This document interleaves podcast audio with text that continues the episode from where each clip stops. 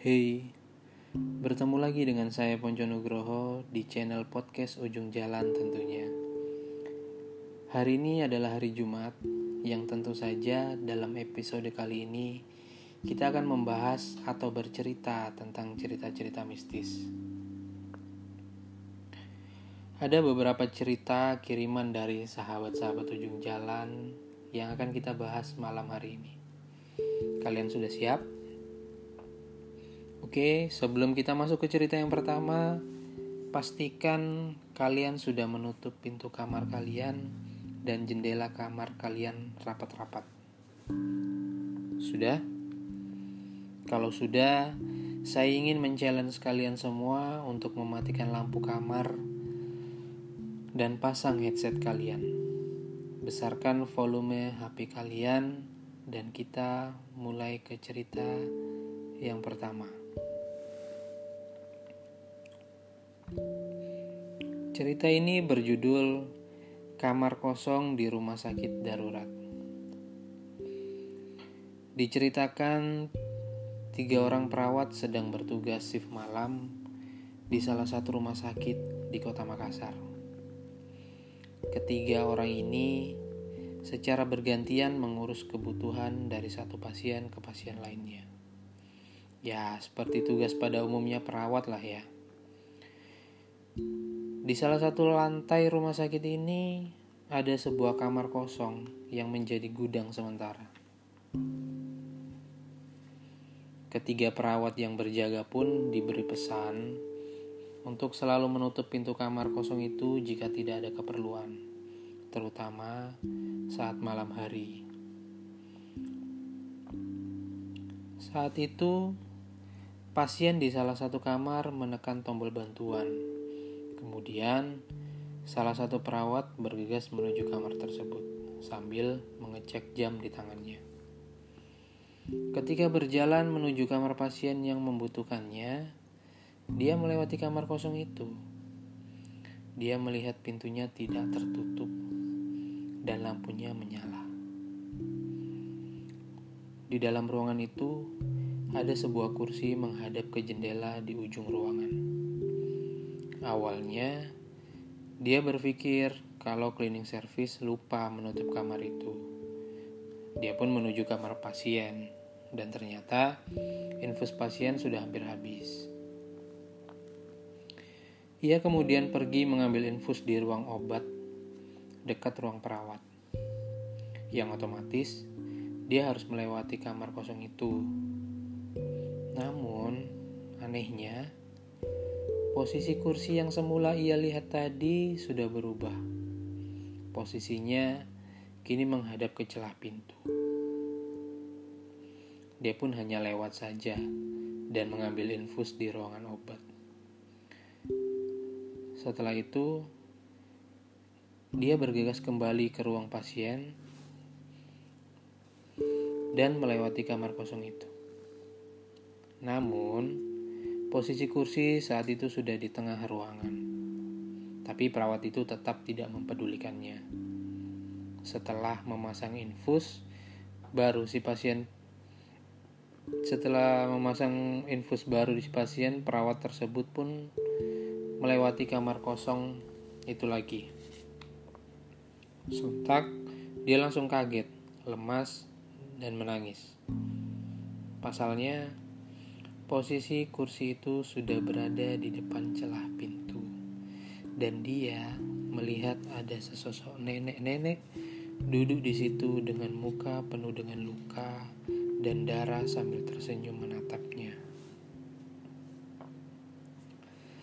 Nah, gimana cerita yang pertama barusan? Sudahkah membuat bulu kuduk kalian berdiri? Belum?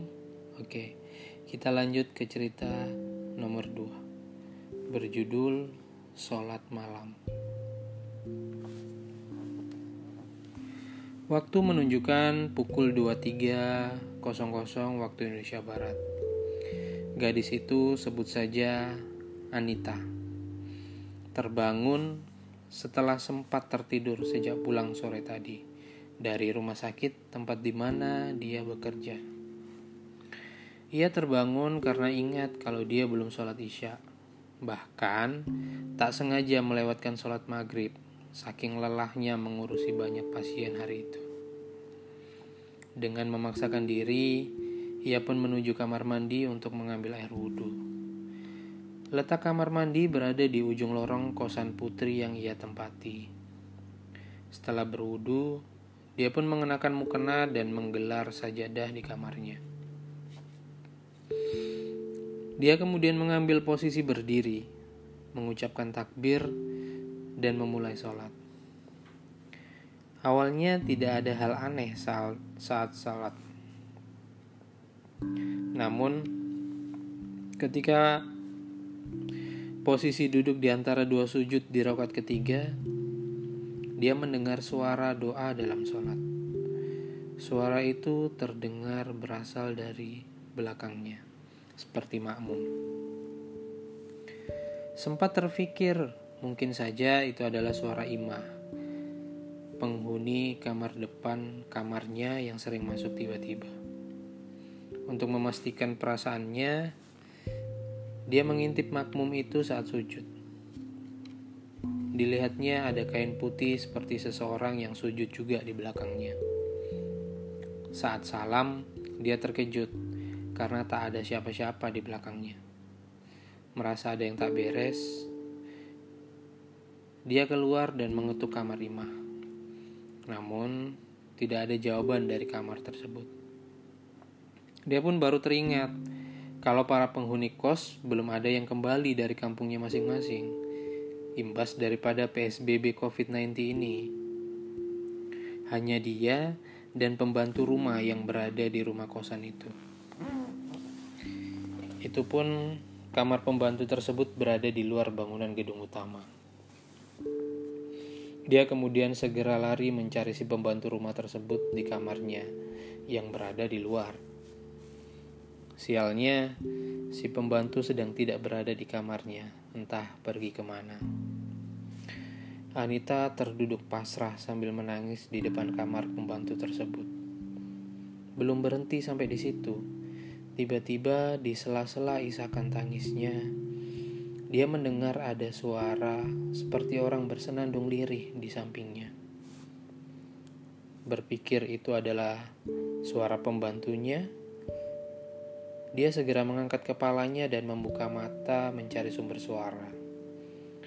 Sial, ternyata yang didapati malah sesosok wanita berambut panjang dan mengenakan pakaian serba putih duduk di sampingnya.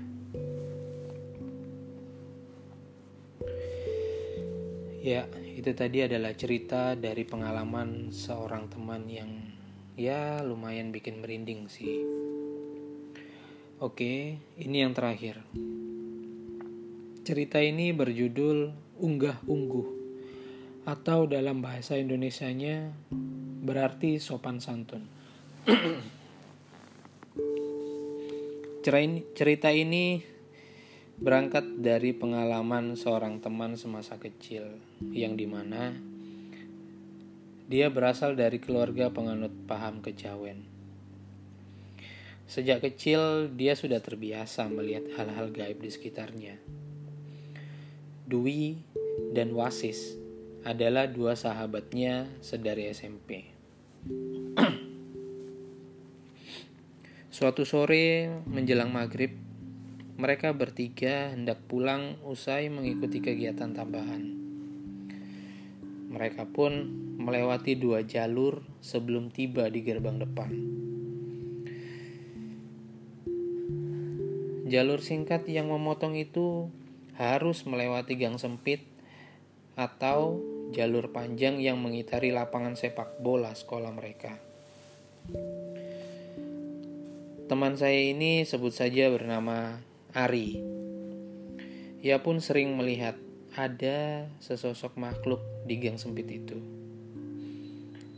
Dia pun memperingatkan Dwi dan Wasis untuk tidak lewat jalur itu, supaya tidak mengganggu. Dwi langsung paham, namun Wasis tetap saja kekeh lewat jalan itu, bahkan sambil bernyanyi Mereka pun akhirnya bertemu di gerbang sekolah.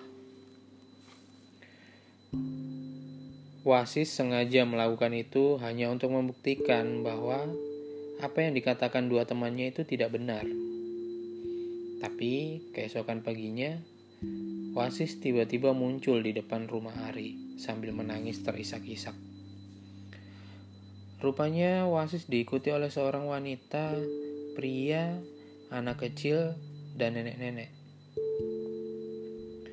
Mereka semua adalah makhluk gaib yang selepas pulang sekolah kemarin mengikuti Wasis. Hari pun membawa Wasis kepada pamannya yang seorang paranormal untuk ditolong. Setelah dilihat, paranormal itu mengatakan bahwa makhluk-makhluk yang mengikuti Wasis tidak berniat jahat. Justru mereka ingin mengajarinya supaya punya unggah ungguh.